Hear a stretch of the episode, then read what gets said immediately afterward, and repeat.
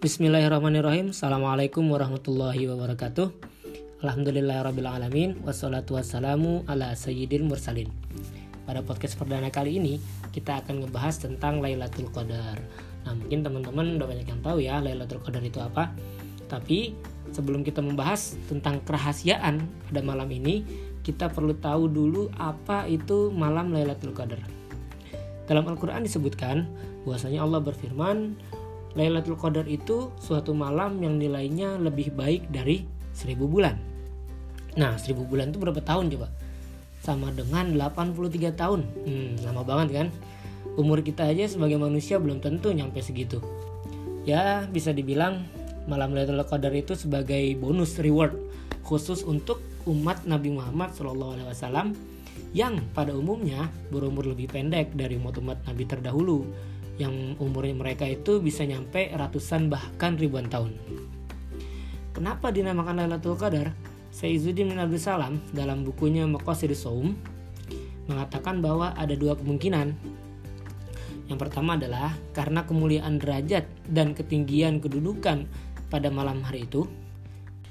Yang kedua, rezeki dan segala ketentuan untuk tahun-tahun selanjutnya ditentukan pada malam itu. Nah, kapan sih Lailatul Qadar itu?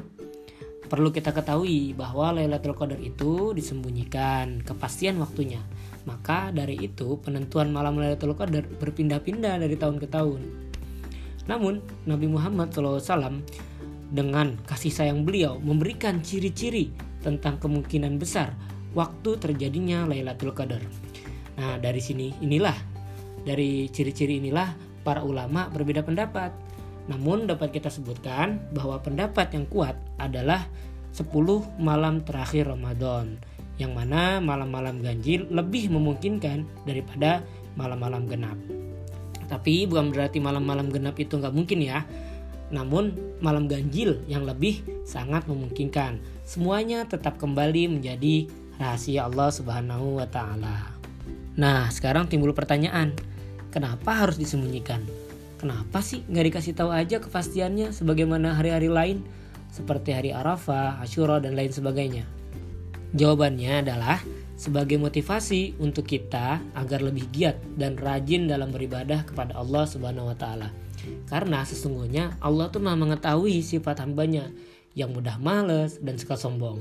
Nah, jadi perlu nih adanya motivasi sehingga lebih baik dirahasiakan Agar apa? Agar kita semangat berburu dan mencari rahasia waktu tersebut.